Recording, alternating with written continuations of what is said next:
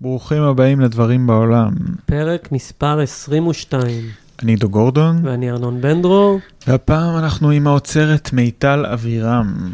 שכרגע, טוב, אני לא יודע בדיוק מתי נשדר את הפרק, אבל כרגע עומדות שתי תערוכות שלה, אחת בגלריה מאיה של תמר כץ, והשנייה של אסף עיני בגלריה אינדי, ועומדת להיפתח אה, תערוכה שלה בגלריה במרכז רוטשילד. כן, דיברנו איתה בעיקר על הפרויקט הארוך והאמביציוזי שלה, אה, שנקרא קומה שלישית משמאל. שזה היה בעצם חלל תערוכות שהיא הקימה בדירה שלה, שפעל במשך כארבע שנים. וגם על הקשר שלה עם אה, אומנים צעירים והעבודה המתמשכת שלה איתם. ועל התוכניות להמשך, במיוחד עכשיו, כשהיא אה, מונתה לאוצרת של הגלריה לאומנות בשנקר. מנצלים את ההזדמנות כדי להודות uh, למארחים שלנו בתת תרבות המחוגה ש... שעזרו לנו בהקלטת הפרק. מזכירים לכם לעקוב אחרינו בשלל פלטפורמות ההאזנה ובפייסבוק ובאינסטגרם. לדרג אותנו בספוטיפיי בבקשה. Uh, תודה גם למי שעזרו לנו עם ציוד בפרק הזה, בפרקים האחרונים, גוני ריסקין, רועי כרמלי. מיכל בר-אור, אלכס בן ארי. וכרגיל אהובנו אור הימר על המוזיקה. מתחילים.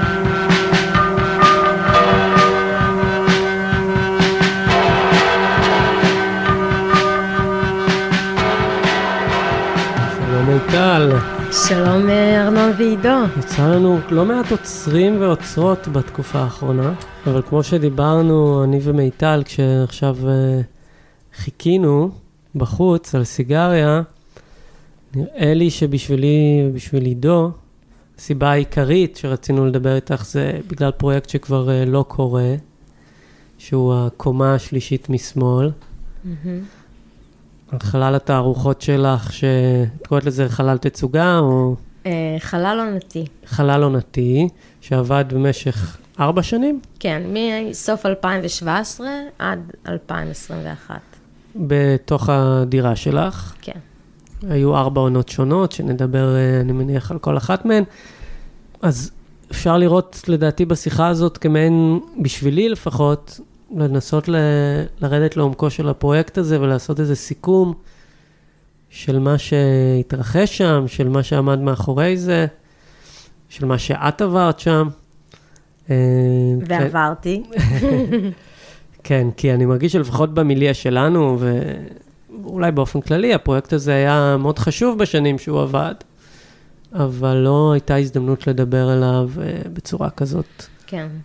אני חושב שאולי שווה לעשות סוג של אה, איזושהי היכרות. איתך ועם הפרויקט בכלל, אפילו לפני הפרויקט, קצת מהרקע שלך. אה. אה, אוקיי, הרקע האקדמאי שלי, אם אפשר לקרוא לזה ככה, אה, התחיל בבצלאל.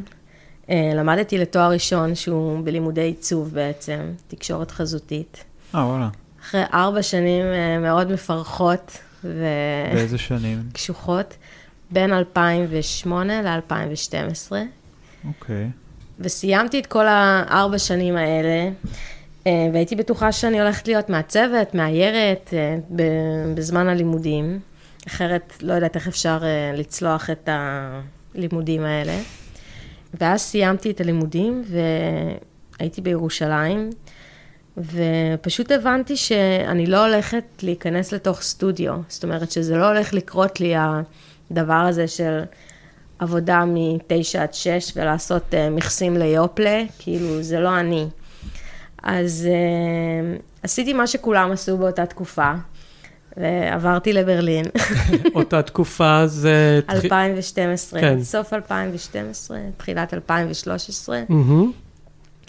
Uh, מרצה שלי באותה תקופה, גילה קפלן, גם בדיוק עברה לברלין, אז uh, הייתי מעין אה, אופר של הילדים שלה, וחייתי שם, עברתי בין דירות, הייתי עם מזוודה אחת, זה היה אולי הגרעינים של הנוודיות, או של החוסר חוסר צורך בחפצים, התחיל כן. כבר אז, אה, ופשוט נעתי בין דירות במשך אה, חצי שנה. אה, וידעתי שאני רוצה לעבור לאומנות, ואמרתי, אוקיי, זה מעבר לשדה אחר, ולא היה לי מושג איך אני הולכת לעשות את הדבר הזה. אבל איך ידעת ו- שכאילו, אומנות תמיד הייתה חלק ממה שאת אה, אה, מתעניינת בו? ש- אה, ב- במקום מאוד שטחי, לא במקום, במק- לא ממקום של איזה תפיסה שאני רוצה לייצר איזשהו משהו בעולם, אלא מין איזו תחושה מאוד אינטואיטיבית שזה המקום שבו אני צריכה להיות. אה, אני תכף אגיע ל- למקום הזה, אז הייתי בברלין והעיר... אה, די כיבתה אותי, כל החופש שבה וכל הדמוקרטיה הזאת שיש, שכל אחד הוא אמן ולכל אחד יש סטודיו, משהו בזה די איים עליי, ומהר מאוד כאילו חזרתי ל- לירושלים, לדירת חדר שהייתה לי בזמנו, ובמשך איזה חצי שנה שכבתי על מזרון, ובחדר כאילו, פשוט, ולא ידעתי מה אני הולכת לעשות, ואיך אני הולכת לעשות את המעבר הזה. אה, ואז אה, הגיעה הרשמה לבצלאל, ופתאום ראיתי הרשמה לתואר שני, אה, אוצרות או אמנות, וניסיתי באמת לחשוב מה הכיוון שלי, לאיזה... אולי אני רוצה ללמוד, אולי זה יכניס אותי יותר למעגל של העשייה. ואמרתי, אוקיי, אבל מיטל, את לא מייצרת אובייקטים, לא, כאילו, אז מה, מה תלכי לעשות באומנות? אז... אבל מה, בתור מעצבת, כאילו לא... אומנם אה, לא אובייקט, ציירתי, אבל... ציירתי הרבה, אבל אה, לא, לא במובן שחשבתי שאני יכולה לעמוד מאחורי מה שאני עושה, מהמם. ולדבר על זה, ולחיות את זה. משהו בפאתוס של זה לא, לא התחבר לי. והלכתי לאוצרות, ו... תואר שני באוצרות תואר ובצלאל בעצם. כן, במדיניות ותיאוריה של אומנויות. וזה זה כן התחבר לי, כי בזמן הלימודים בתואר ראשון, כל הזמן אנשים פנו אליי, היו להם בעיות בקונספט, וכל הזמן פנו אליי להתייעץ איתי. אני הייתי זאתי שהייתה תופרת לאנשים את, ה, את הפינות האלה של אה, קורסים, קורסים שונים, קורס העברת מסר, קורס עיצוב כזה, קורס כזה, אה, ו, ותמיד היו באים להתייעץ איתי. אז אמרתי, אולי יש משהו במקום הזה, שבו אני יושבת עם אנשים, ו... ואני האוזן הקשבת שלהם והתומכת שלהם, אולי שם מגיע החיבור.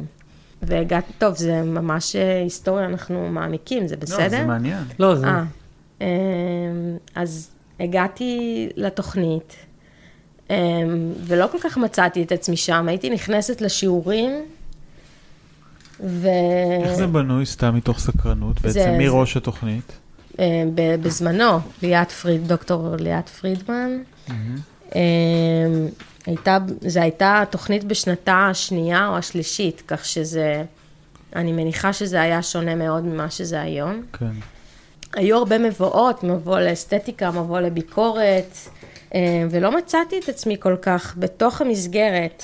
הייתי יוצאת מהשיעורים ובוכה, הייתי ממש כזה לא מבינה כאילו מה עשיתי לעצמי, וזה לא מעניין אותי לכתוב על הוגי דעות, וזה לא מעניין, ועד היום אני כאילו, התיאוריות לא מתחברות לי, ואני לא עוצרת, אני לא פועלת מהמקומות האלה.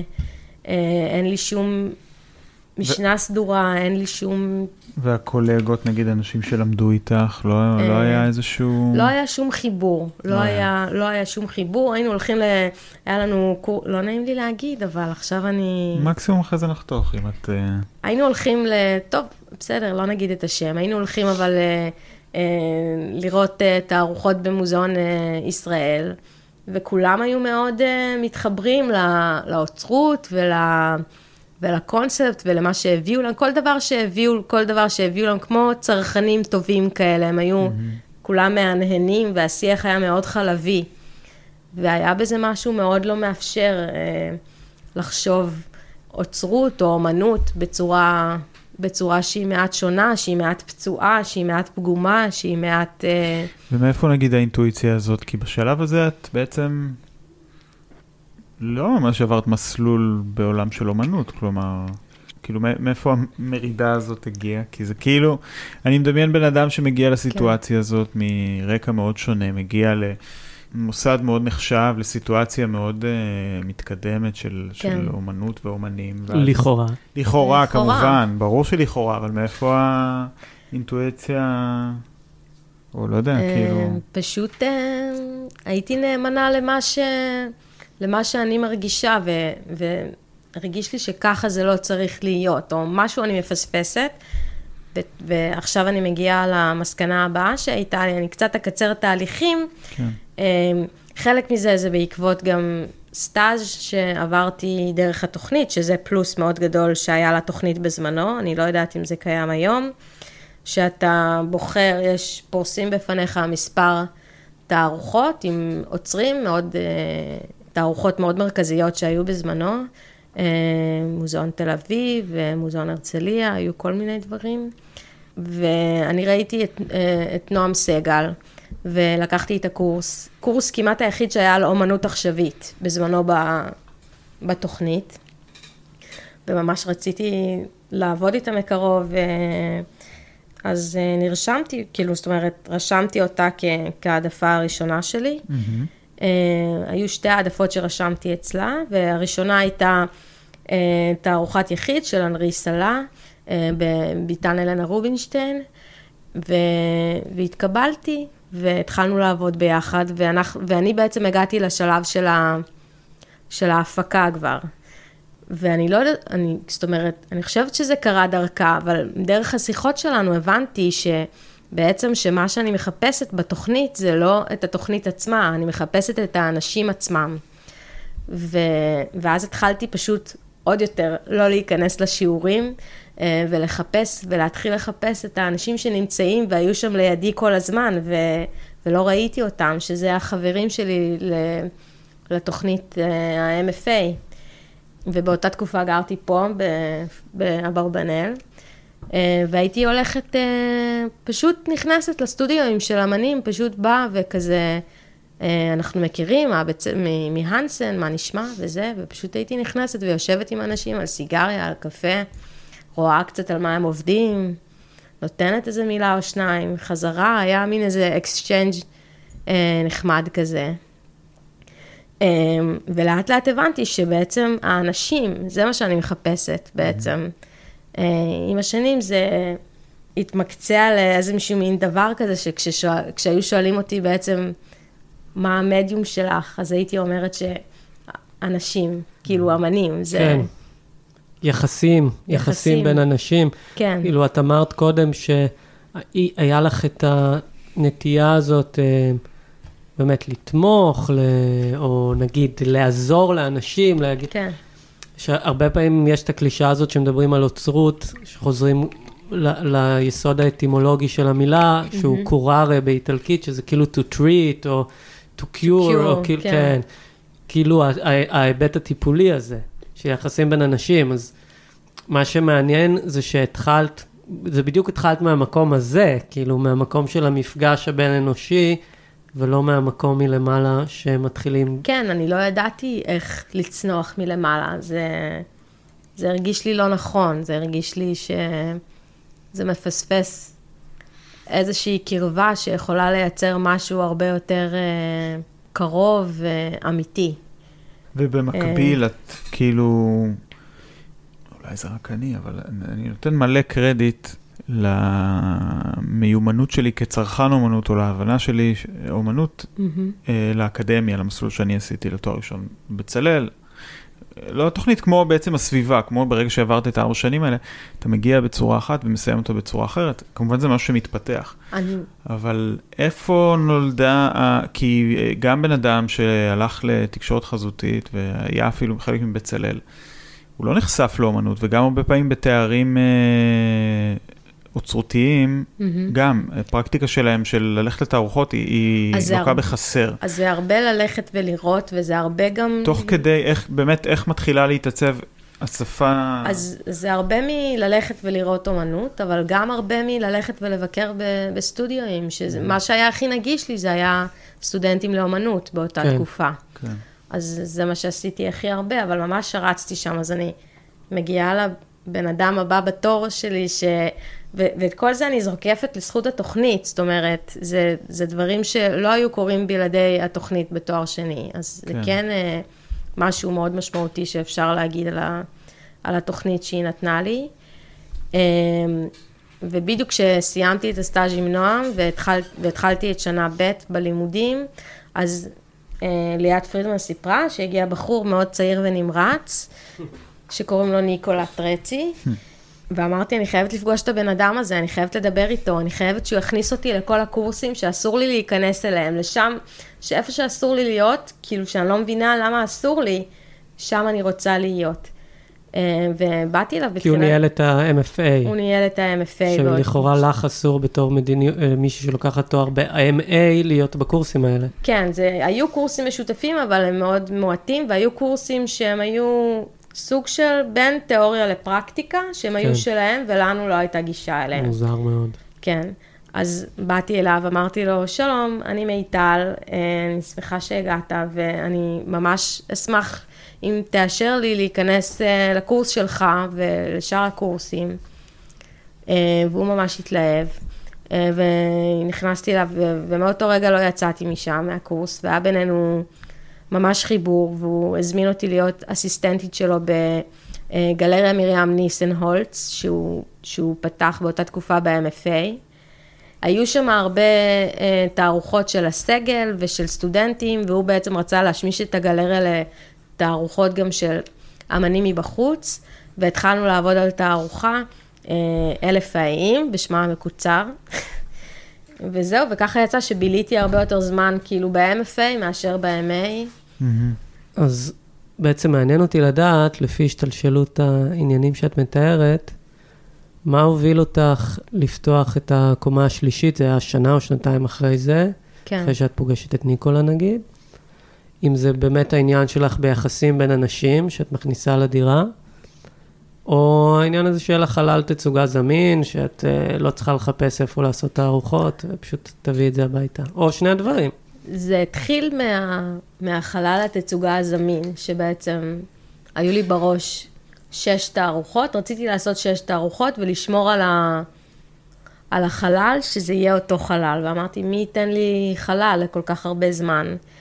ואני חושבת שהיה איזה משהו שרציתי לפתור, קודם כל אני הרחקתי את זה מהאנשים, ואמרתי, אני רוצה לפתור קודם משהו ביני לבין העבודות, דווקא. ואמרתי, מה קורה כשאני השומרת הבלעדית של העבודות במשך 24/7. אבל לא נראה לי שהבנתי מה זה אומר ועד, ועד לאן זה יגיע. למה שש תערוכות? אה, זה היה מין איזון הרמוני כזה של, אמרתי, כמו, כמו משחק כזה שעשיתי עם עצמי כזה. כשלא ידעת ש... מה הן, פשוט אמרת, אני רוצה כן, לייצר ש... סדרה היה של... לי, היה, לי, היה לי שלוש תערוכות קבוצתיות, שידעתי מה אני רוצה לעשות בהן, אה, פחות או יותר, אה, גם את האנשים פחות או יותר, אה, ושלוש תערוכות יחיד. אז כאילו ידעתי עם מי אני רוצה לעבוד ומה, ומה אני רוצה לעשות בתערוכות קבוצתיות. שוב, ב, בתפיסה המעוותת שלי, שתוך חצי שנה אפשר לעשות שש תערוכות, שזה הגיוני. וזה מה שקרה? וזה לא. מה שקרה אחר כך כל עונה. חצי שנה זה היה כל פעם יחידה? זה תמיד היה מינואר עד אוגוסט. וואלה. זה, זה היה העונה בעצם, כל פעם. יש את הקטע הזה, זאת אומרת, אומרים, אוקיי, גלריה בבית, mm-hmm. יש לזה תקדימים, תמיד מזכירים את גלריה שרה לוי. כן. היה באות, אולי באותה תקופה עדיין עודד שתיל. עודד שתיל, זה עכשיו, היה... כן, כן, עכשיו יש את רועי כרמלי, אבל בעיניי הפרויקט שלך, גם בעיני עידו, אני בטוח, זאת אומרת, הוא רדיקלית אה, שונה מזה, במובן הזה, ש... היחס, זאת אומרת, היחס בין הביתיות לאומנות הוא במרכז הפרויקט. זאת אומרת, זה לא רק העניין הזה של חלל תצוגה, אלא להפוך את העניין הזה של להציג בבית ללב הפרויקט או לעבודת אומנות בפני עצמה. עכשיו, כשאת מתארת את זה שהמדיום שלך הוא אנשים, אז אפשר אפילו לראות את זה כ...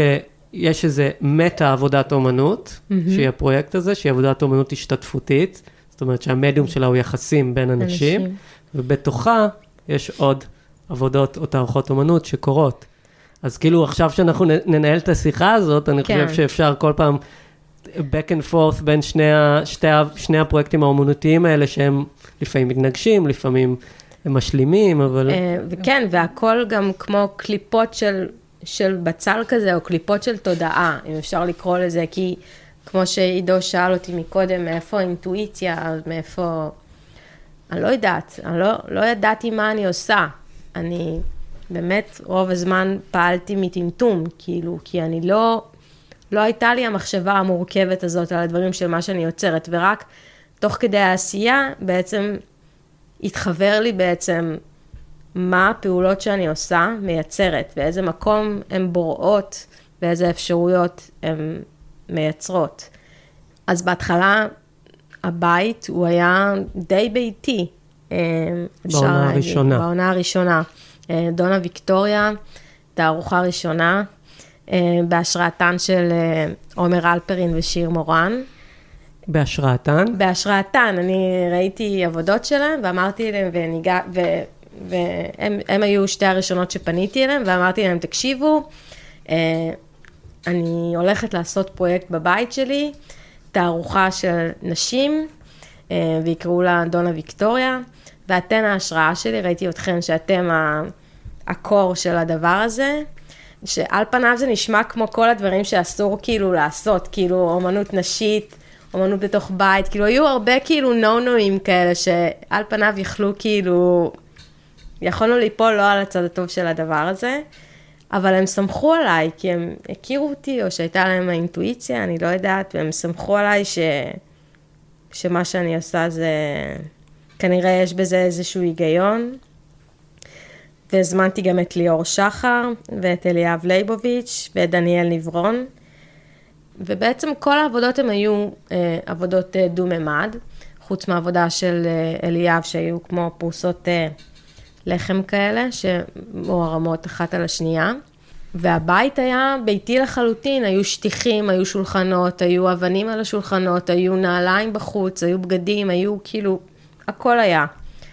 עם הזמן בפרויקט היו כל מיני עקרונות, או מנטרות, אפשר להגיד, אז התחלתי עם המנטרה הזאת, ש, שאין חלל שהוא לא חלל תצוגה. כאילו כל חלל הוא, הוא יכול לשאת עבודה. כן. ואנחנו נתמודד עם מה שזה מביא איתו. ולאט לאט, עם התקדמות העונה, התחילו לזוז דברים בבית. למשל, בתערוכה של יואב ויינפלד, שזלונג, אז במקום השטיח הוא שם עבודה. במקום הסדין שלי, אני ישנתי על עבודה של יואב. אחר כך בתערוכה בזמן אמיתי, אה, שגיא אזולאי שם אה, עבודה מעל הקירה עם גז שלי, שאמרתי, אוקיי, כאילו, לאט לאט התרקמה מנטרה אחרת, שהיא המנטרה של מה שהעבודה צריכה, זה מה שהעבודה מקבלת. אז אני לא מבשלת על הגז במשך חודש, אני עושה לי עוף בתנור, או תפוחי אדמה, או משהו כזה. ולמה בעצם? למה לעשות את ה... למה לה... לעשות את ההקרבות האלה בשביל העבודות האלה? אה, אני לא רואה את זה כהקרבה, אני רואה את זה כמאמץ, אה, מאמץ משותף. אה, סמנטיקה, כאילו מאמץ מהצד שלך. שגיא לא התאמץ כאילו בשביל... אה, כאילו כן. הוא יכל להמשיך לבשל, המאמץ הוא שלך. מה הניע אותך בשלב הזה לעשות כאילו, לעשות את המאמצים האלה? שזה נטו מה שעמד לנגד עיניי זה ה... להיות ישרים עם העבודה, ומה שהעבודה צריכה זה מה שהיא צריכה לקבל. נוצר פה איזשהו תהליך של מחיקה, שאי אפשר להתעלם ממנו, אבל אני שמתי את עצמי בצד עד שזה יתפרץ לאט לאט בהמשך. אמ, שההמשך הזה זה העונה השנייה בעצם. כן, לפני העונה השנייה זה היה איזשהו תהליך שקרה ב... בת... בתערוכה של דניאל אוקסנברג, אה, מועדון הלבבות השבורים. בעצם מה שדניאל עשה, הוא לקח ארבע עבודות שהתמקדו בפתחים של הבית, בחל... בחלון בסלון, בחלון הוויטרינה, אה, בפתח של המטבח ובפתח של החדר שינה. שבעצם הוא חסם את הפתח של החדר שינה עם עבודה. אה, וכך לא היה לי גישה, לא לארון בגדים, ששם כל החיים שלי נמצאים, ולא למיטה. אני חושבת שלא אני ולא דניאל ידענו כאילו לאן זה ייקח אותנו, הדבר הזה. אמ, אמרתי לו, אוקיי, אה, אני חוזרת למנטרה שלי, אם זה מה שהעבודה צריכה, אז זו מה שהעבודה מקבלת. ועשינו את זה כבר בשלב די מוקדם, בזמן ההקמה. העבודה כבר הייתה מוכנה, אז פשוט אה, תקענו שם את הברגים. אה, ולקחתי מה שאני צריכה מהארון, לקחתי כרית ושמיכה, ושמתי אותה במגירה מתחת לתנור, ועוד מגירה מתחת לתנור שנייה, שמתי שם בגדים, ובעצם בשתי המגירות האלה היה, היה לי מה שאני צריכה. עד היום זו מגירה שיש בה בגדים, דרך אגב. והתחלתי לישון בזמן ההקמה, התחלתי לישון ב, ב, בסלון. תחושת ורטיגו מאוד מוזרה, ובאותה תקופה, לתערוכה קראו מועדון הלבבות השבורים, ובאותה תקופה אני הייתי עם לב שבור, ו... ובעצם הייתי קמה כל יום מוקדם מאוד בבוקר, בזמן שהתערוכה עמדה, הייתי קמה כזה באיזה שבע בבוקר, ויוצאת מהבית לעבוד מבית קפה, ממקום אה, בחוץ, וחוזרת רק באיזה 12 בלילה, רק כשאני חייבת, רק בשביל לישון, כי פשוט לא יכולתי לסבול להיות בתוך החלל הזה, זה היה פשוט כאילו בלתי נסבל עבורי.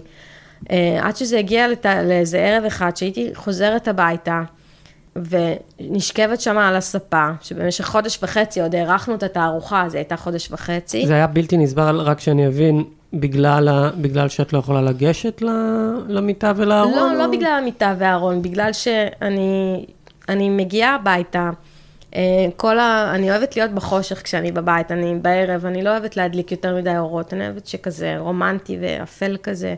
אז אני כזה מדליקה לי מנורה קטנה, ו, וכל העבודות הופכות להיות צללים מאוד גדולים בתוך החלל, אה, ואני נמצאת שם ואני לבד, ואני מבינה ש... ואני מתחילה לבכות, כי משהו נופל עליי באותו רגע, ואני מבינה שהפרויקט קורה כרגע, עכשיו, בזמן שאני שם לבד עם העבודות, ואין אף אחד שהוא יכול להיות עד לדבר הזה. או להיות קהל, כאילו, איפה, איפה האנשים? לא הבנתי, הרגשתי שאני בתוך איזשהו משהו, שאני, שאני אובייקט, שאני כלי משחק, שאני שחקנית, שאני... מעניין. זה עוד יחסים שלא חשבתי עליהם, זאת אומרת, כשאני חושב על הפרויקט הזה, אז אני אומר, יש את היחס בין ה... בינך לבין האמן, יש את היחסים בינך לבין הצופים. כשנכנסים אלייך הביתה, ותמיד את שם, ואת מארחת, ונוצרת כן. איזו סיטואציה שהיא הרבה פעמים מביכה גם, או כן. מוזרה קצת. יש את היחסים אה, בין הצופים טוב לעבודות, שזה היחסים נגיד המוכרים, אבל בעצם את אומרת שחלק מהעבודה הגדולה, ההשתתפותית הזאת, נקרא לה שהיא הפרויקט הזה, זה גם היחסים בינך לבין האובייקטים שבבית. כן. בעצם אפילו לא בינך לבין האמן. לגמרי, וזה לבדוק מה קורה. אה, זאת אומרת, יש את הזמן שצריך פיזית להפעיל את העבודות, וזה קרה בת... בתערוכות שונות, שהעבודות הצריכו ממני איזשהו מאמץ מסוים, זה מתחיל בקיריים, זה עובר uh, ליאור ווטרמן בצינורות, וצריך uh, לנגב את הרצפה ו... ולשים מים בדליים ודברים כאלה, וזה עובר גם לדברים שהם דורשים ממני. איזשהו משהו רגשי מתוך הלב שלי בעצם, שהוא מונח שמה, והם לוקחים ממנו איזושהי פיסה, ו, ואז העבודה היא בעצם יותר אלימה ו, ודורסנית. והמוטיבציה ב... לעמוד בכל הדברים האלה היא קשורה לזה שבסוף זה גם... לא יודע אם מנכיח אותך כחלק מהדבר הזה, או כאילו, כי אני, אני תוהה לעצמי, אני אומר, זה נשמע לי נורא קשה. וזה, ואני, ומול עצמי אני אומר שלא לצורך, כאילו, אומנות לא בנויה על סבל של בן אדם אחר בהכרח. ואצלך יש נכונות מאוד גדולה כן לעמוד באתגרים האלה. אני תוהה, אני כאילו מנסה למצוא לעצמי תשובה למה, כאילו, כי את מדברת על זה באופן שהוא מאוד, אה, מאוד נרגש מה, מה, מהפעולות האלה, מהמשמעות שלהם בשבילך, כן. מהכוח שלהם. אפילו פוטנציאלית לצופים, אבל אה, כאילו ברגעים האלה, מה, מה את אומרת לעצמך? כאילו, איפה, ה, מה הרציונליז, הרציונליזציה שאת עושה ל, אה, לדבר הזה? הרציונליזציה הייתה שפשוט התחלתי עם הפרויקט הזה, ואני רוצה, עוד לראות כאילו לאן הוא יגיע, והייתה גם את האבולוציה של, ה, של ההתפתחות שחלה איזושהי נקודת מפנה בתערוכה הזאת, שאמרתי, כל פעם הפרויקט צריך לעבור איזושהי אבולוציה, הוא לא יכול להישאר כמו שהוא, וכמו שאני עוברת איזשהו, איזשהם תהליכים עם עצמי, ואני נהיות יותר מודעת לפעולות שלי, כך גם הפרויקט, הוא לא יכול להישאר, אז ברגע שהבדידות שלי הכתה בי כל כך כל כך חזק בתערוכה של אה, דניאל, אז אמרתי לעצמי, שנה הבאה, שנה הבאה אני לא הולכת להיות לבד, שנה הבאה אני הולכת להיות עם אנשים. Mm-hmm. וככה נולדה פרקי מחיה בעצם, שהיא העונה השנייה אה, של הפרויקט. הקטע הזה שהוא חוסם לך את החדר שינה, בואי נגיד ככה, נגיד כל עבודה שבוחנת יחסים, הרי מה הייתה הביקורת העיקרית של קלר בישופ, mm-hmm. תיאורטיקנית, על, על אומנות שעוסקת ביחסים בין אנשים, בין אם ריליישונל אסתטיקס או דברים אחרים, mm-hmm. שזה תמיד יחסים מסוג מסוים, הרמוניים, נעימים. כן. ואצלך העניין הוא, הזכרת את המילה אלימות, זאת אומרת, דניאל נוגד באלימות וזה מעניין אותך, ובאמת כל עבודה שעוסקת ביחסים, צריכה להתעסק בכל מיני דברים שקורים. של יחסים, של כן. של יחסים, ואצלך יש גם המון עניין של יחסי כוח וניצול ו- ודברים מהסוג הזה. ודניאל כאילו מין עשה עלייך איזשהו, הפעיל עלייך איזשהו כוח. Mm-hmm. זאת אומרת, זה מה שקורה בעונה השנייה, נראה לי הוא מין אה, המשך של... אני מרגישה שיצאתי מאוד חזקה מה... מהסיטואציה הזאת, כי בהמשך לשאלה שלך, זה, זה הביא לי את הרצון לייצר את הדבר הבא, את העבודה ההשתתפותית הבאה שלי. שהיא פרקי זה... מחיה. שהיא פרקי מחיה.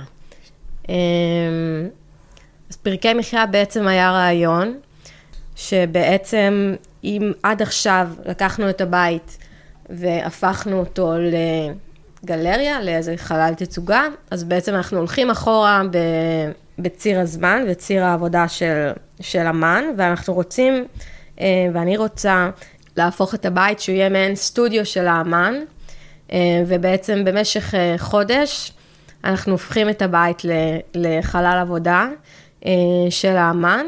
הוא עובר לגור איתי במשך חודש. אה, שבו אנחנו בונים את התערוכה אה, במשך אה, שלושה שבועות, ואז בשבוע, עשרה ימים האחרונים של החודש, אנחנו בעצם פותחים את התצוגה, את התערוכה לחלל, לקהל הרחב. וזהו,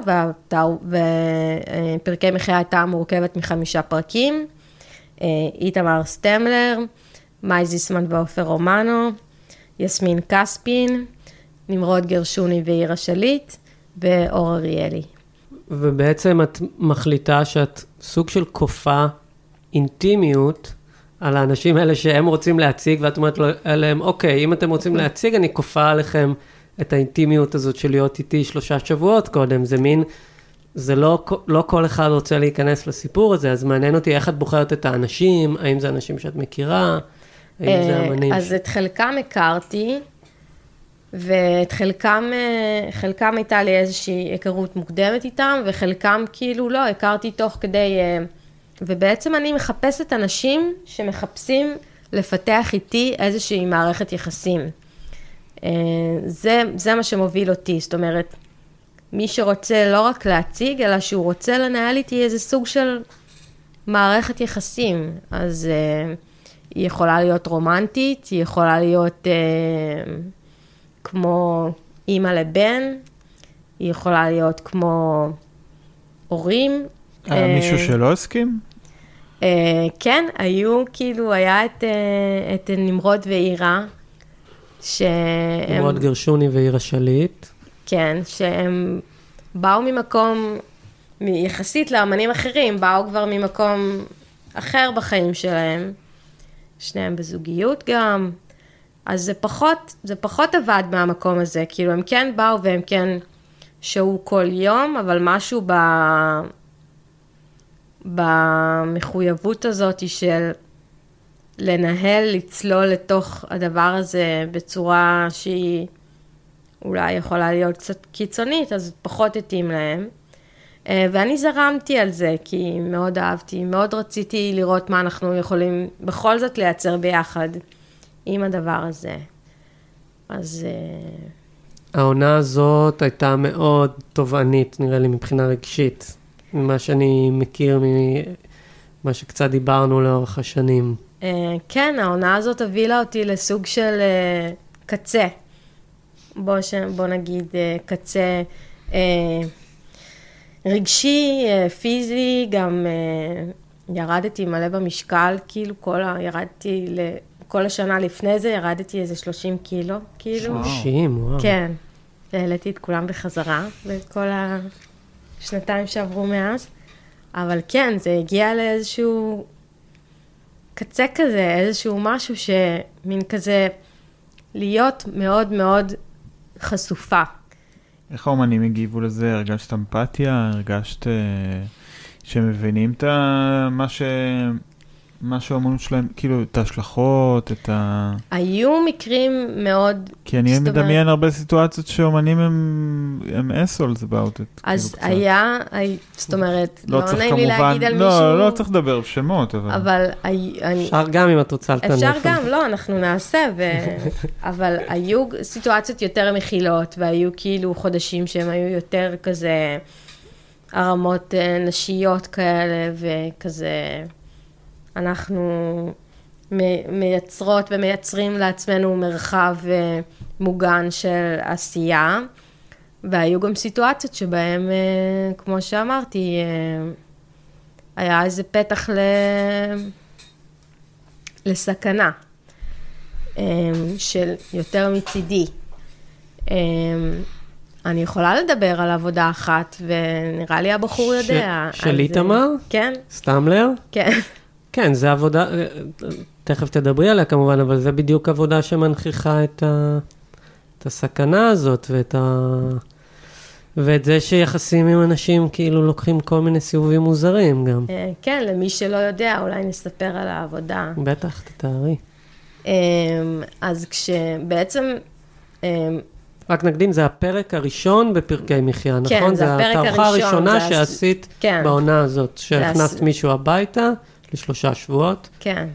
אז זה הספתח בעצם, ולפני העונה, בעצם אנחנו מתחילים את העונה בינואר, ואני כבר באוגוסט רוקמת את רשימת האמנים המשתתפים, כך שיש לי חצי שנה אה, של זמן של אה, שיחות, מפגשים, אה, איזושהי הכנה שאנחנו עושים, בונים את האינטימיות בינינו. ואז איתמר באיזשהו זמן הוא אומר לי כזה, אני רוצה לשתף איתך פעולה, אני רוצה שתשתתפי ב... באיזושהי עבודה שלי. אז כזה ישר התלהבתי ודמיינתי את עצמי משתתפת באיזה וידאו וזה, ואמרתי כזה, וואי, איזה מדליק, כאילו, אני, כן, אני ממש רוצה וממש זה. הוא אמר לי, בסדר, חכי ש... כשאני אכנס לדירה, אז אנחנו נתחיל לעבוד על העבודה. אז אמרתי, סבבה. אה, ותוך כדי זה החיים קורים, אנחנו, האינטימיות היא באמת נבנית, היא לא מזויפת, זה לא כמו בתוכניות ריאליטי שפתאום הם אומרים שהם, נגיד איך בחתונה ממבט ראשון, אנחנו אומרים, הם כולה 42 יום ביחד, איך הם מצליחים לייצר ביניהם, הזוג הזה, איזושהי אינטימיות ואיזושהי מערכת יחסים שהם קוראים לעצמם, שהם בזוגיות. אז כן, אנחנו גם היינו בסוג של זוגיות שאנחנו בנינו אותה אה, לאט לאט, והיא הייתה אמיתית מבחינתנו לכל דבר. אנחנו היינו קמים ביחד, הולכים לישון ביחד מבחינת טלפונים, וואטסאפים, אה, שיחות טלפון.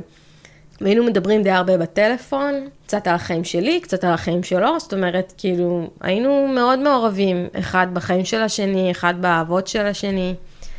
ואז הגיע הזמן שהוא נכנס אליי לדירה, והוא אמר לי, אוקיי, את זוכרת שאמרתי שאני רוצה שתשתתפי באיזושהי עבודה? אז אמרתי, אה, כן. אז הוא אמר לי, אוקיי, אז... אה, ואיתמר, כמו איתמר כזה, הוא כזה ישר ניגש לעניין וחותך כזה בבשר החי, כזה הוא לא משחק משחקים. הוא אומר לי כזה, הקלטתי את כל השיחות טלפון שלנו. ואני כזה, רגע, מה? מה עשית? הבן אדם היה מתקשר אליי באובססיביות, זאת אומרת, זאת אומרת, זה משהו שהוא בנה בדיעבד, אני אומרת, כאילו, הוא היה פשוט מתקשר אליי והיינו מדברים המון, כאילו, גם על החיים שלו, אבל גם אני שמה חשפתי mm-hmm. לא מעט uh, פנינים ודברים uh, אינטימיים.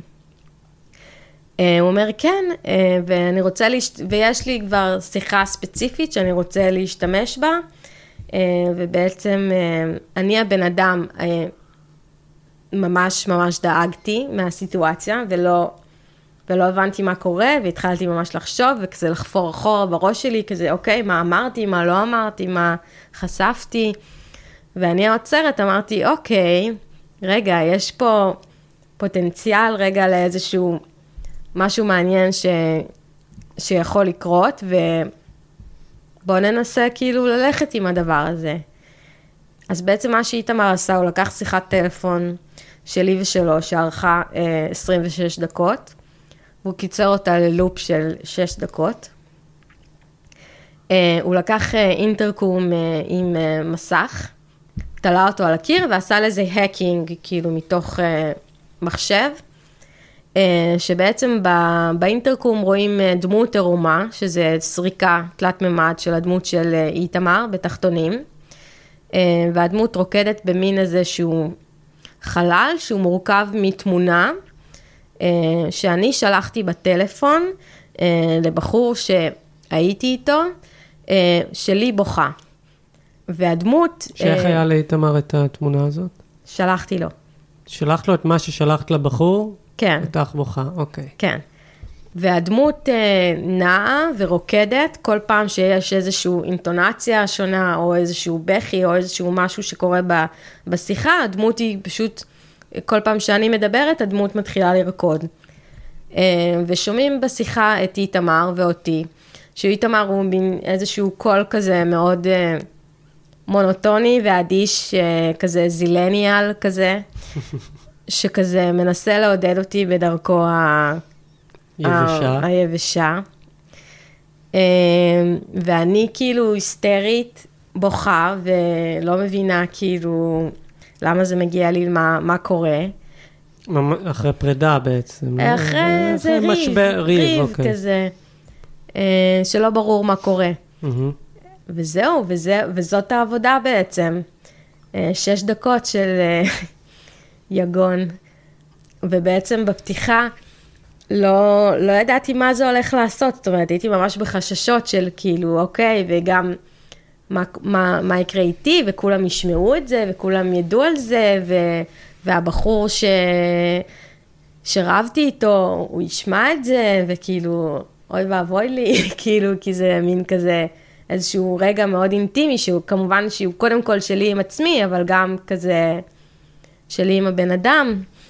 ובפתיחה פשוט היה תור של אנשים כזה, בכל, ה, בכל הסלון כזה, שאנשים פשוט, וזה פתיחה ויש רעש, פתיחות ב, בקומה השלישית משמאל הן תמיד כאלה אה, יותר חצי נעות על- לכיוון המסיבה, ופחות כן. לכיוון הפתיחה המנומסת.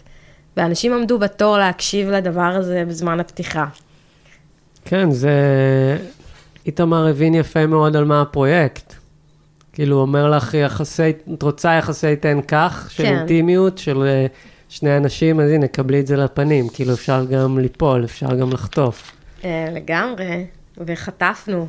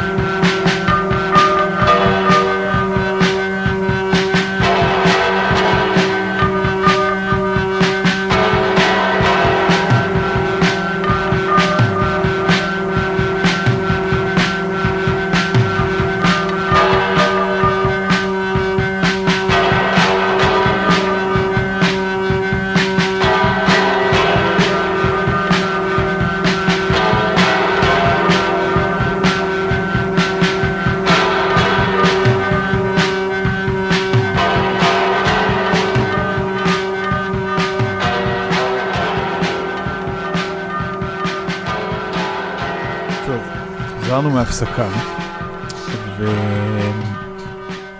וסיימנו את החלק הראשון בעבודה של איתמר. מתוך השיחה הזאת עולה שיש איזשהו, כאילו לא סתם ריליישנל אסתטיק וקלר בישופ עלו פה בשיחה, כי באמת יש איזשהו אלמנט uh, מאוד נוכח uh, שקשור ל... לממד של יחסים, uh, מימד התנהגותי, שאני לא שמתי לב אליו נגיד בצפייה בתערוכות. כאילו הוא קיים מאוד בזה שאנחנו יודעים שזה אומנים שמבלים עם הזה, אבל זה הרגיש לי משהו מאוד... Uh, לא, לא, לא הבנתי את זה כמו שהבנתי את זה עכשיו. ואז זה גרם לי לתהות על ה... יש כאילו, אין, אין הרבה עבודות, ב, או לא, זוכ, לא זכורות לי הרבה עבודות או תערוכות בתוך הסדרה mm-hmm. הזאת שפועלות בתוך המקום הזה, רק במקום הזה. כלומר, יש הרגשה שכמעט תמיד בסוף האומנות היא מגיעה דרך, כי בסוף היא מופיעה כאומנות, וכאומנות. פלסטית באופן מובהק. Mm-hmm. פיגורטיבית הרבה פעמים, כלומר יש איזושהי אסתטיקה שהיא נורא קשורה לחומר ולאובייקטים, שבסוף הכל נארז בזה, וכל התוכן הזה שדיברנו עליו, שהוא תוכן כאילו שקשור ליחסים ודברים שהם יותר uh, מופשטים, לא, פחות מקבל ביטוי. כלומר, אתה אומר שאם קודם נגיד, אני הגדרתי את זה, כאילו יש את המטה עבודה, mm-hmm. את המטה פרויקט שהוא עבודת על שעוסקת ב... יחסים בין אנשים ויש את הפרויקטים הספציפיים, אז בעצם הם לא כל כך מתמזגים, זאת אומרת, הם פועלים בשני מישורים יותר. ממש, כאילו יש את הדבר הזה, והאירוע עצמו, הוא מתחפש, לא, מתחפש או לא מתחפש, אבל הוא, הוא מתקיים כאילו במשלב אחר לחלוטין, הוא, הוא מקיים אומנות פלסטית, גלריסטית במובן מסוים. מיצבים בדרך כלל, אבל מיצבים. כן. אה, במיוחד אה, בפרקי מחיה זה היה מאוד מיצב, נכון? כן. אין אינטראקציה, ואני תוהה אם באמת אולי זו הסיבה שגם אני, של, שלא לא התחבר לי הפן הזה. זה מתקשר למשהו שמראש תכננו לשאול על ה... הסתכלתי על התיק עבודות שלך ועל על כל התערוכות, ויש משהו מאוד מובחן באסתטיקה שנוצרה שם. וזה לא רק שם, זה משהו שקיים היום בצורה די גורפת ב, בחלק הזה של שדה האומנות של האומנים בגיל הזה, בשלב הזה. ב... אני לא, וכרגיל אני מדבר ואני לא יודע לסיים בשאלה, כן, אבל... כן, אני מנסה אה, להבין מה... אמ, זה נראה לי, את יודעת מה? זה נראה לי כמו בעיה בעצם. בעיה. כן, בעיה הנתק הזה. אני חושבת ש, שיש את הסיפור, שהוא חלק, כאילו, חלק מהנוכחות, הוא חלק ממה ש... מה... משני הקורות האלה שארנון אה, תיאר אותה מאוד יפה מקודם, אז אני חושבת שהסיפור בא והוא ממלא את האוויר שנוצר ברווח בין כל הדברים האלה, וזה שאני יושבת שם ביחד עם האמנים ואנחנו יושבים ואנחנו למה צריך את האומנות בעצם? למה צריך את האובייקט? זה, אולי זאת השאלה שלי. למה בסוף, אם האירוע הוא הדבר, mm-hmm. והמפגש וזה, למה צריך בסוף את הפסל? Uh, כי הפסל הוא, מש, הוא, מה שמח, הוא מה שמחבר אותנו לתוך כל זה, הוא משהו שגורם לנו להתכנס לקראת כל זה, וזה לא היה קורה בלי, בלי האומנות. זאת אומרת, אם הייתי אמנית פרפורמנס, מה שאני לא מגדירה את עצמי ככזאת, אה, אז יכול להיות שהייתי מוותרת על, ה... על הדבר הזה, על המקום הזה, אבל אה, זה נראה לי איזשהו חלק שממש חשוב שיהיה אותו. אני מנסה לחשוב, כאילו, אתה רואה את זה כבעיה, כאילו... אה, מה אתה, אולי ת, תנסה אתה גם. כן. בעצם אם אתה רוצה לבחון את היחס בין עוצר לאמן, mm-hmm. ואת הדינמיקה שקורית בין אנשים כשהם עובדים על יצירת אומנ... אומנות, אז, אז אולי בסוף צריכה לצאת איזושהי עבודת אומנות. אמ, אבל באמת אולי כאילו, מה, מה שאתה אומר, וזה לאו דווקא סותר אחד את השני, אז שאולי העבודה המעניינת קרה בדרך, ולא תמיד... אה, לפעמים זה נשזר יותר באמת, וזה מוצלח, כמו בעבודה של שאיתמר עשה, mm-hmm. ולפעמים זה פחות קורה, אבל עדיין זה, התהליך הוא, הוא עדיין אותו תהליך. ויש ספקטרום של אפשרויות. כן. בעצם, שהיחסים האלה יכולים אה, לקחת... אנחנו לא יודעים אה, ל- לאן זה לאן יוביל זה אותנו, יוביל. בעצם. אני לא יכולה לדעת מה... מה יקרה, אולי יש. איזשהו, אולי אחרי השיחה אני יוצא עם איזושהי תחושה של חוסר סימטריה, כאילו, כי ניכר שבפרספקטיבה, ש... כאילו מהפרספקטיבה שלך, את וכל מה שאת עוברת זה משהו שנורא נוכח בכל העשייה ובכל ההחלטות, ובהחלטות המדיומליות ובהחלטות האוצרותיות וכולי. מצד השני זה הרבה פעמים מאוד נהדר.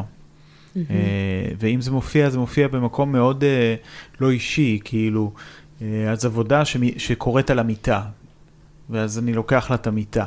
אבל זה משהו מאוד, מאוד לא ספציפי, מאוד לא קשור למיטל, זה קשור למיטה, זה קשור לבית, זה קשור לכמו שאומן מסתכל על, על חלל שהוא לא חלל גלריה ומאפיין אותו. ואז. אני מרגיש איזושהי צרימה בגלל החוסר סימטריה, בדיוק בגלל המקום שהבעתי קודם חשש ממנו, מהאמפתיה כאילו שנוצרה או לא נוצרה, מההיכרות שלי עם, עם מחשבה של אומן הרבה פעמים. וזה לא בקטע מתחשבן, אבל סתם בקטע של אולי זה, יש פה חומר גלם ש... שמתפספס, לא יודע. מעניין. אני חושב שבשבילי היו, זאת אומרת, רגעים חזקים, הרי מה קורה בעונה השנייה, נגיד, אם דיברנו על זה שמההתחלה את מתעסקת בעניין הזה, נגיד, של אינטימיות כמדיום, או יחסי תן כך שנוצרים בני, בין אנשים ומה קורה איתם, אז כאילו, בעונה השנייה, גם באופן יותר משמעותי, הבית, הבית עצמו הופך להיות להיות. אובייקט או מושא, נגיד, ל... לנגיד מחקר אה, או מחשבה אומנותית, או כאילו לפרק את העניין הזה של בית. כי, כי מה קורה בעונה השנייה, שזאת זאת שב, שבעיקר חוויתי, הרי כאילו, יש פה איזה היפוך מוזר, כי בעצם הבית הופך יותר לגלריה, הוא ממש מתרוקן, כן. והוא נהיה מין חלל לאט ריק. לאט מתרוקן, כן. ודווקא מזה שהוא דומה לגלריה, גורם לך להרגיש יותר מוזר וכמה הוא שונה מגלריה. כן, כי- וכמה הוא, זאת אומרת, הבית מנוכר. לעולם לא יכול למחוק את עצמו. הוא כל הזמן מנסה, אני מנסה, אנחנו מנסים אה, להוריד אותו, להרים אותו, להפוך אותו לאיזשהו white cube, אבל הוא בחיים לא יהיה הדבר הזה, לא משנה כמה חפצים תסיר משם, זה לא החפצים, זה ה... זה, לא נעים לי להגיד את זה על עצמי, אבל זה אני, כאילו, זה הנוכחות שלי, כל עוד היא קיימת, כל עוד אני חיה, אז, אה, אז הבית, אז כאילו, אז יתר מנס, כאילו, של ה... נכון, של אבל, אבל הזה. בשונה מה, מההתחלה, שהחוויה היא יותר סלונית נקרא לזה, כן, אז uh, יש את התחושה הזאת של הפקרות בעונה השנייה. ממש, אני זוכר כזה בתערוכה של ליאור uh, וטרמן, ווטרמן או וטרמן, איך מבטאים? ווטרמן. ווטרמן.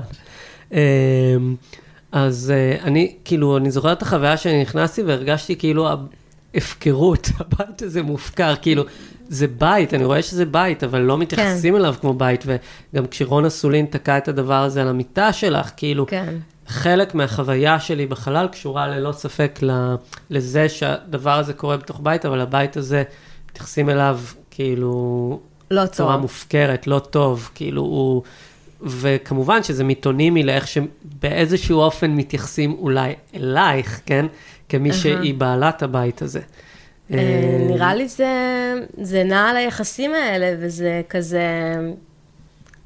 זה מנסה להפשיט אותם מה, מהמקום הזה של היחסי כוחות. למשל, בעונה השלישית שהייתה, שזה זה היה מחולק לשני פרקים, היה את ליאור, שהוא היה כזה פרק בפני עצמו, מחוץ לעונה, אפשר להגיד את זה. שאולי תספרי מה הוא עשה. ש... אה, ליאור פנה אליי עם פרויקט שהוא ניסה, שהוא רצה להקים אותו כבר אה, תוך כמה זמן, והוא חיפש חלל, ואז אמרנו, יש את הקומה, למה שלא נעשה את זה בקומה השלישית?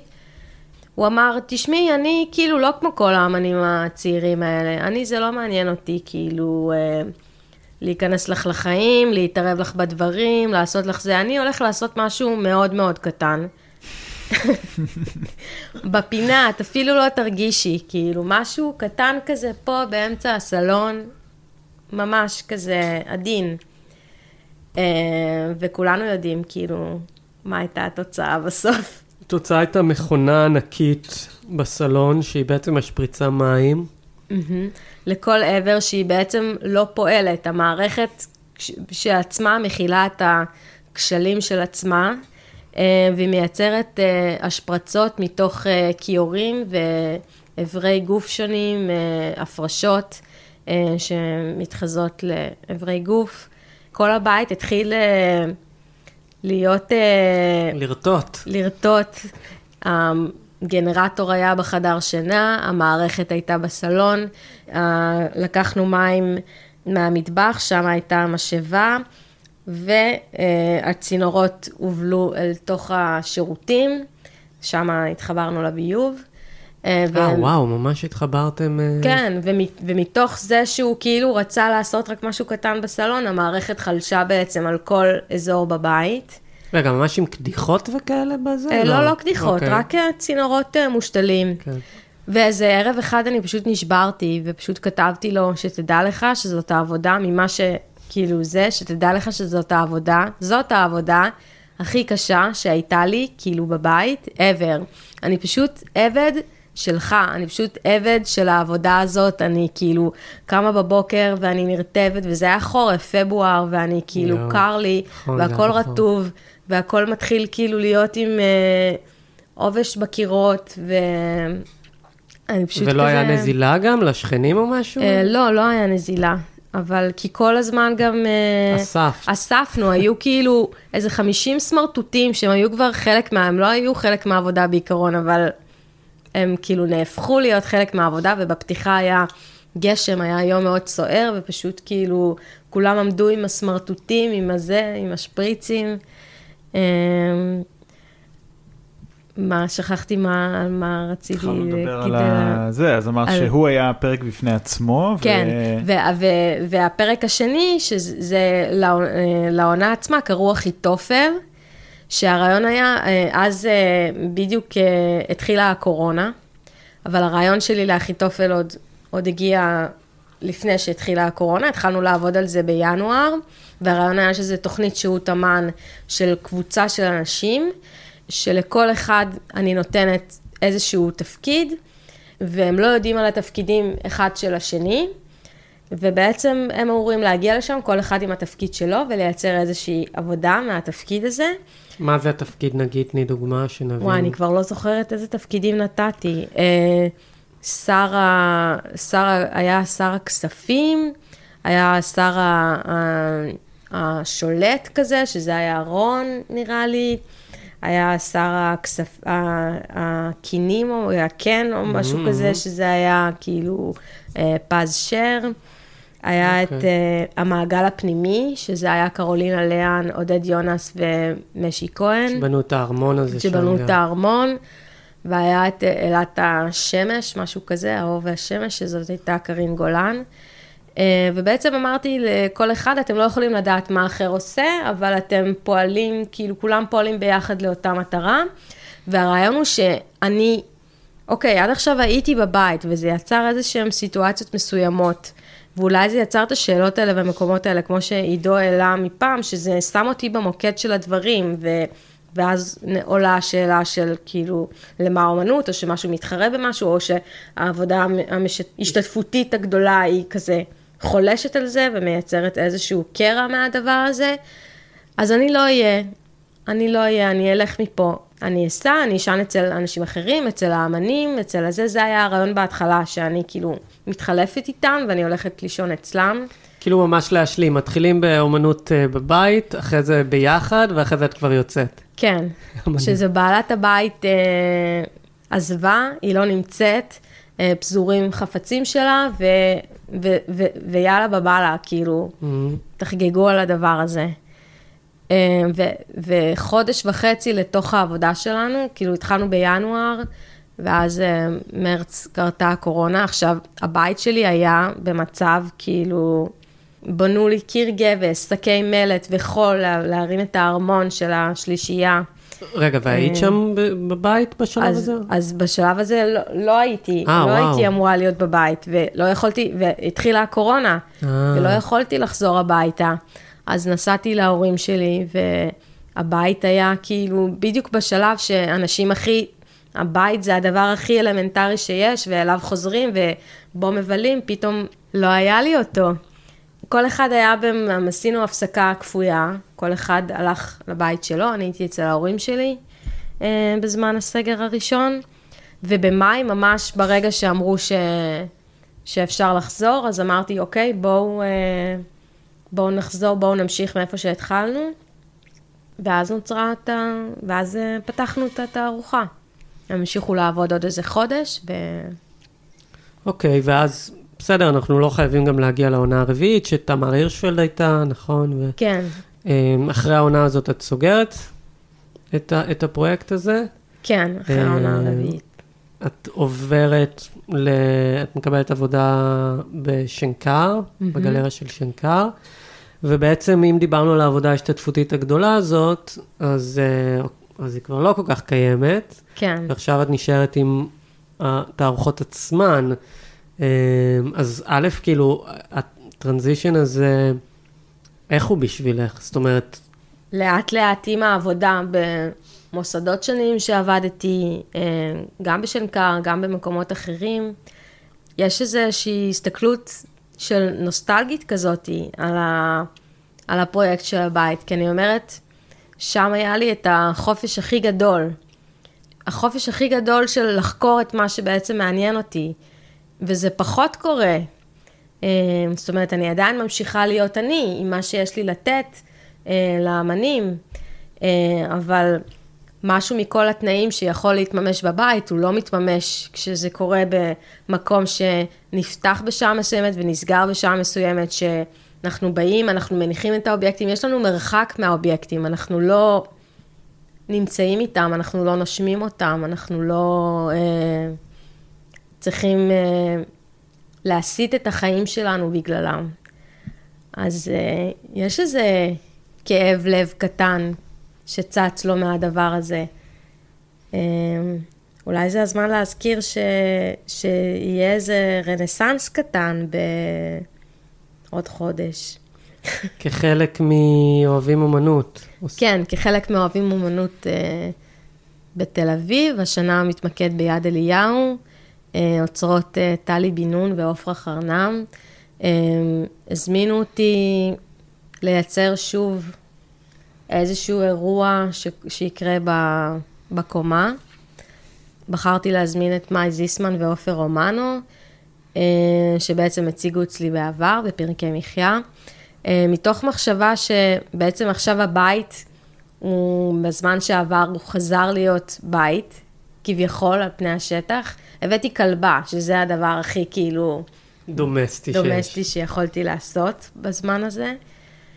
ובאמת אה, לנסות לראות אה, מה יכול לצאת מהדבר הזה, מהמערכת יחסים הזאת. זאת אומרת, איך אנחנו, איך אנחנו ניגשים שוב מחדש לתצוגה, כאילו, בתוך הבית, אה, לחשוב שאולי, כאילו הוא לא עבר את כל מה שהוא עבר, כאילו הקירות לא, לא זוכרים את כל מה ש... אז אני עוד לא מצאתי את הנקודה שבה אני מביאה את זה למוסד, ואיך אני מייצרת איזושהי חממה, סליחה, חממה זה עכשיו מילה, לא חממה, מייצרת. איזשהו אה, תנאים, מערכת תנאים ש... שבה אפשר שוב אה, לבחון כאילו את, ה... את יחסי הכוחות ומה, ומה עובר עלינו תוך כדי. בחלל מסורתי יותר של אומנות. בחלל מסורתי יותר, כן. היה לי איזושהי פנטזיה של, של איזו תערוכה כזאת, שהיא קצת פה מחנה עבודה, אה, אבל אה, לא, לא הגשמתי אותה עדיין. מה זאת אומרת מחנה עבודה? מחנה עבודה לאמנים, מחנה, כאילו, מחנה עבודה בכפייה, כאילו? כן, שהם כאילו נכנסים מייצרים. ומייצרים כאילו מבוקר עד ערב, ויש איזה תא פיקוח כזה של, של אה, אמניות וידאו, שהן יושבות והן מתעדות את אה, כל מה שקורה, ויש הפסקה ויש רדיו שמניעים את זמנם של הפועלים, ולראות מה כאילו, מה קורה, ואנחנו ישנים, ואנחנו אוכלים שם, ואנחנו לא יודעת איך אנחנו מתקלחים, אנחנו לא יודעת מה אנחנו עושים, אבל אנחנו מנסים לקיים איזשהו מרקם חיים בתוך המקום שבו אין חיים. כי במוזיאון אין, אין חיים. כן, אבל עוד פעם, יחסים שיש בהם כפייה, יחסי כוח, אה, ניצול. אה, כן, כן, זה... כל הדברים שהם חלק הדברים מה... מהפרויקט שלך בעצם. כן. תמיד המסגור של זה הוא דרך אה, מערכת יחסים נורא ספציפית של עוצר ואומן, שהיא היא נורא מצומצמת, כלומר, מושגים של כוח ואינטימיות ופריצת גבולות, זה, זה מושגים שהם רחבים, הם, חבר, mm-hmm. הם, הם, הם קשורים לחברה האנושית.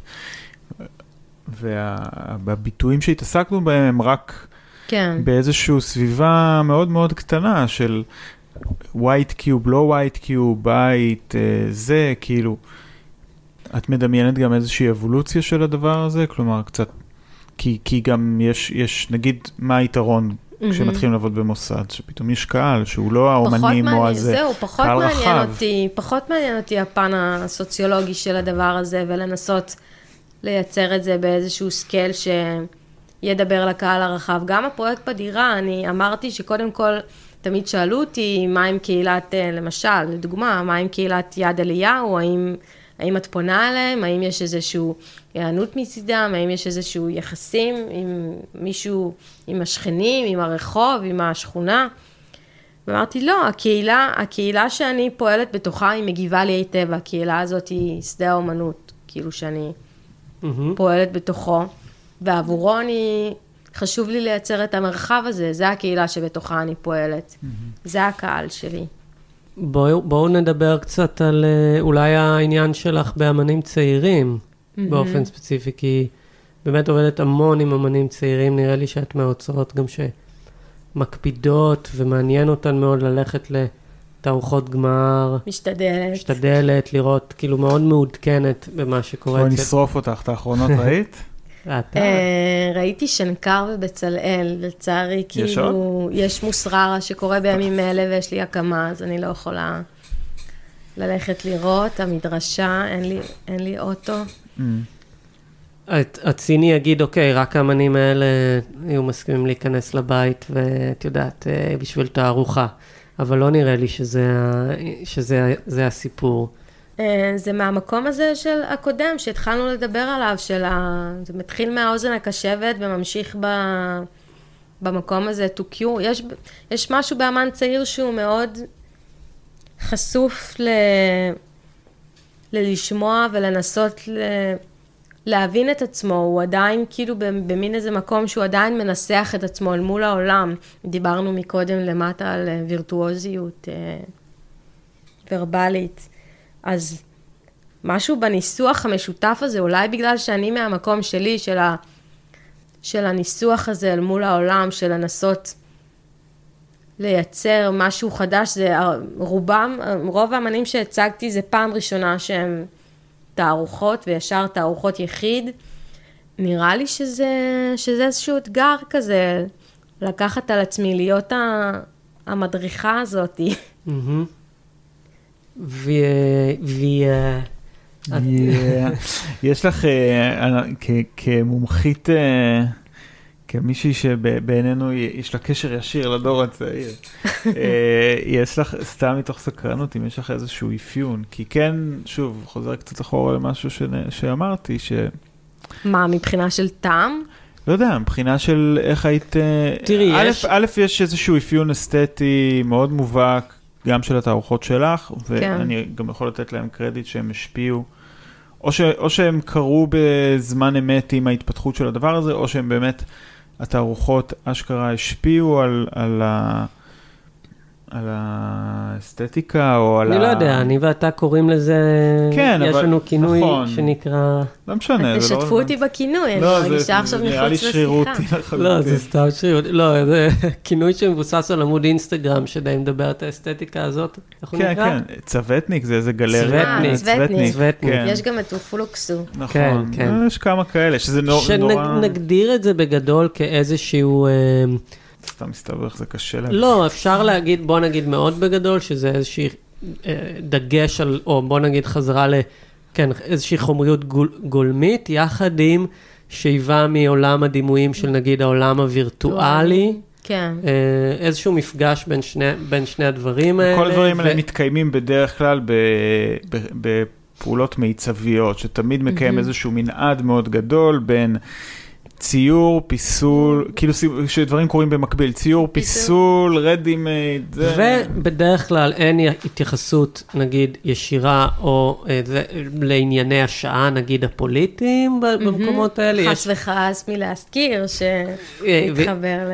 כן, ויש גם, אמרנו עולם הווירטואלי, גם רפרנסים תרבות צריכה, פופ קלצ'ר נגיד, אופנה אולי אפילו, כאילו כל המקומות כן. האלה נכנסים לעבודה, אבל בדרך כלל זה באמת, המפגש הצוותניקי הוא כשזה קורה נגיד, באמת במפגש הזה עם איזושהי רגישות פיסולית, קרפטית. אז אתה חושב. שהתערוכות אצלי הן תערוכות צוותניקיות? אני חושב שיש כמה אמנים שאת מציגה, שכאילו, נגיד הם בגל הזה של, אה, את יודעת, אומנות אה, צעירה. עכשיו, כל תקופה יש לה את הגלים שלה, כן? כן. אז זה הגיוני שאת עם היד על האומנות הזאת, אז כאילו... לא, אבל זה משהו ספציפי, סתם הייתי, כאילו אפשר להתייחס גם ספציפית לזה, אבל בכלל, מה, איך את כאילו, לא- לא- גם, לא יודע אם זו דרישה פיירית, אבל אם יש איזשהו אפיון, או משהו שאת מרגישה שאת יכולה, שלמדת כאילו על, על אומנים, או על אומנות ש, שעושים אומנים ב, בשלב הזה היום. אני חושבת ש... סוג של עד מומחה בסיטואציה הזאת. עד מומחה, אבל עד אה, שהוא אולי פנימי לסיטואציה, אז קשה לו, כאילו, קשה לי לקחת איזשהו, לאסוף את כולם תחת איזושהי כן. מטריה אחת של, אה, של עשייה, כי זה באמת... אה, אבל כן, אני יכולה להתחבר למקום, ה, ל- לטעם הזה, לנראות הספציפיות הזאת, ל... אני פועלת כל מיני דברים שקרו כאילו משנות ילדותי, שנות התשעים, תוכניות טלוויזיה שמעניינות אותי, אה, דברים כאילו שקרו שאני גדלתי, שבאופן אירוני, האומנים האלה רק נולדו. אה, בזמן שאני כבר הייתי, זאת אומרת, עכשיו הפער בינינו הולך וגדל, אז זה קצת מעניין, כי האמנים שפעם הייתי קרובה אליהם בגיל, וזה היה כאילו משהו כמו שש שנים הבדל, חמש שנים הבדל, היום זה כבר גדל לכזה 12 שנה ו-15 שנה של הבדל ביני לבינם, ועדיין אני מרגישה שאני כאילו, שאני כמוהם, שאני איתם בתוך הדבר הזה, אני לא מרגישה נפרדת מתוך, ה... מתוך התרבות הזאתי. והתערוכה האחרונה שאת עומדת, זאת אומרת, הבאה שאת הולכת לעצור היא ברוטשילד, מרכז רוטשילד. אה, שזה מרכז שמציג רק תערוכות של אמנים צעירים אחרי תואר ראשון, ומה הנושא שלה יהיה? לתערוכה קוראים היפים והאמיצים, שהתוכנית הזאת היא זה תוכנית ש... אופרת סבון, אה, שהיא שונה בהרבה מאופרות סבון אחרות. אה, הפרקים שלה קצרים ממש, פרקים של אה, 20 דקות כל פעם. והייתה הרבה ביקורת על התוכנית הזאת, זו תוכנית אה, שנויה במחלוקת, אה, מצד הצופים, מצד המבקרים, מבקרים, לא יודעת מי, כאילו, תווי איכות על הדבר כן. הזה. אה, שבעצם העלילות שהיא עושה הן אה, מופרכות לחלוטין, זה אה, צוות ממש קטן בתוך התוכנית, שהשתנה, כאילו, זאת אומרת, קרה, קרה הרבה פעמים, ש... כי היא משודרת כבר משנות, אה, משנת 87 עד היום, אז קרה הרבה פעמים ששחקן אה, מת, או שקרה לו משהו, ומחליף אותו שחקן אחר, כאילו אותו, את אותה דמות משחקים כמה שחקנים לאורך השנים. אה, ובגלל שהצוות מאוד קטן, אז האפשרויות, ההתפתחויות לרומנים, שזה הלחם והמים של, ה, של אופרת הסבון, הן מאוד מאוד מוגבלות. אה, ולכן קורה שהרבה פעמים אה, דמות אחת יכולה לנהל רומן עם דמות אחרת, ואז היא עם, עם אב המשפחה, ואז אחר כך היא, היא תתחתן איתו, ואז אחר כך היא תתגרש ממנו, היא תהיה עם, ה, עם הבן שלו ותוליד לו ילד. אה, ודמות אחרת יכולה, לי, כאילו הם כזה, ממש סוג של גילוי עריות הם מייצרים שמה. כן. אני חושב והנרטיבים... שאני מכיר אה, משהו כמו שש שמות של דמויות, כאילו, אם לא יותר. כן. כן, תגיד, אתה זוכר תגיד. ממש את השמות? קודם כל רידג', ברוק. נכון, טיילור, רידג'. טון, סטפני. סטפני, אריק. כן, מה, קלאסיקה. אה, הייתי רואה את זה כל יום, כשהייתי אצל סבתא שלי אחרי צהריים. ו... ומה שעניין אותי בדבר הזה זה לראות איך העבודות מייצרות איזשהו נרטיב, זאת אומרת, אין קשר בין, ה, בין העבודות שבחרתי, אחת מול השנייה של האמנים, זאת אומרת, אין איזשהו קשר אה, נרטיבי ברור, כל עבודה הולכת לתוך, ומעמיקה, לתוך הציר של עצמה, אה, ולראות איך ביחד, כאילו זה מין אתגר באמת, איך, ה, איך הדברים מתמקמים, איך הם אה, מתחברים ומייצרים אולי איזשהו אפשרות לנרטיב חדש. הבנתי, כאילו מתוך הצמצום כן. האפשרויות, כאילו איך בכל זאת אפשר לייצר איזה סיפור, סיפור, נגיד. סיפור, כן, או... נקרא לזה ככה. כן. ולסיום, נראה לי, מה... כאילו, מה, התוכ... מה התוכנית בעצם? כי היה משהו ב... בכל הפרויקט של הבית, שבאמת mm-hmm. היה בו משהו מאוד סדור, זה התחיל משש תערוכות בחצי כן. שנה, נולדו ארבע עונות. מה, מה מחליף בעצם? כי, כי זה צורך שהוא קיים, זה, והצורך, אני לא חושב, כאילו, איך שאני מזהה אותו, הוא לא... Mm-hmm. הוא לא בערך, כאילו, הוא קשור כמובן גם לעניין הזה של יחסים וזה, אבל זה משהו שאת מצליחה לקיים בעוד אופנים דרך פשוט אינטראקציה עם אומנים, זה משהו שקורה, אבל כנראה כן היה, זה צורך שכן קיים במובן שבאופן של איזשהו מסגור של פעולה, פעולה שיש לה תוחלת, יש לה, יש לה משמעות בפני עצמה, היא לא פשוט קורית עם השנה, היא לא, זה לא משהו כן. שמתחלף עם עונות השנה, אלא משהו שהוא, שהוא מוגדר. אז אה, מה... זה הגיע לאיזשהו שיא, זה נכון שזה הגיע לאיזשהו שיא בקומה, אבל אני מרגישה שנפתח שם איזשהו פצע במקום הזה, אה, והפצע הזה הוא לא מגליד, הוא כל הזמן מוריד ואני ממשיכה לגרד אותו כל הזמן. אה, ואני מאמינה שאני אמצא את המקום, זאת אומרת, אני לא, לא בטוחה שאני רוצה שהפצע הזה יגליד, אני רוצה שהוא ימשיך לדמם על מנת שאני אצליח להמשיך ולפעול מתוך המקום הזה שהוא בוער. והחלום זה באמת להמשיך ולראות איך אני, איך אני מייצר, מצליחה לקחת את זה איתי ביחד למקומות הסטנדרטיים, נקרא לזה יותר, כאילו, ולהצליח לייצר איזשהו דבר שהוא עומד, ש... זאת אומרת שאני רוצה שתבוא בפעם הבאה לתערוכה ותגיד ש... שיש תכלית לתערוכה, כאילו זה, זה האתגר שלי בתור עוצרת, כאילו, בסופו של דבר, כאילו, לזה התכנסנו, מעבר לדברים ה... שסובבים את כל הדבר הזה. זה נשמע שאת כמעט מאמינה בעניין הזה של כאילו האמן המיוסר, או לצורך העניין, אני רוצה לשאול כמעט האם את מעדיפה להיות פצועה אבל בוערת מבחינה אומנותית, או, או נגיד אה, במקום טוב לגמרי ורגוע מבחינה רגשית ומשעממת מבחינה אומנותית. אז נראה לי שהתשובה היא די אה, ברורה על העניין הזה. ואני לא יודעת לאן, לאן זה ייקח אותי. כאילו, אני מקווה שלמקומות טובים מהבחינה האומנותית, ושזה תמיד ימשיך לגרד כדי שאנחנו נצליח לייצר איזשהו משהו שהוא בעל משמעות, שהוא נשאר איתנו. אמן.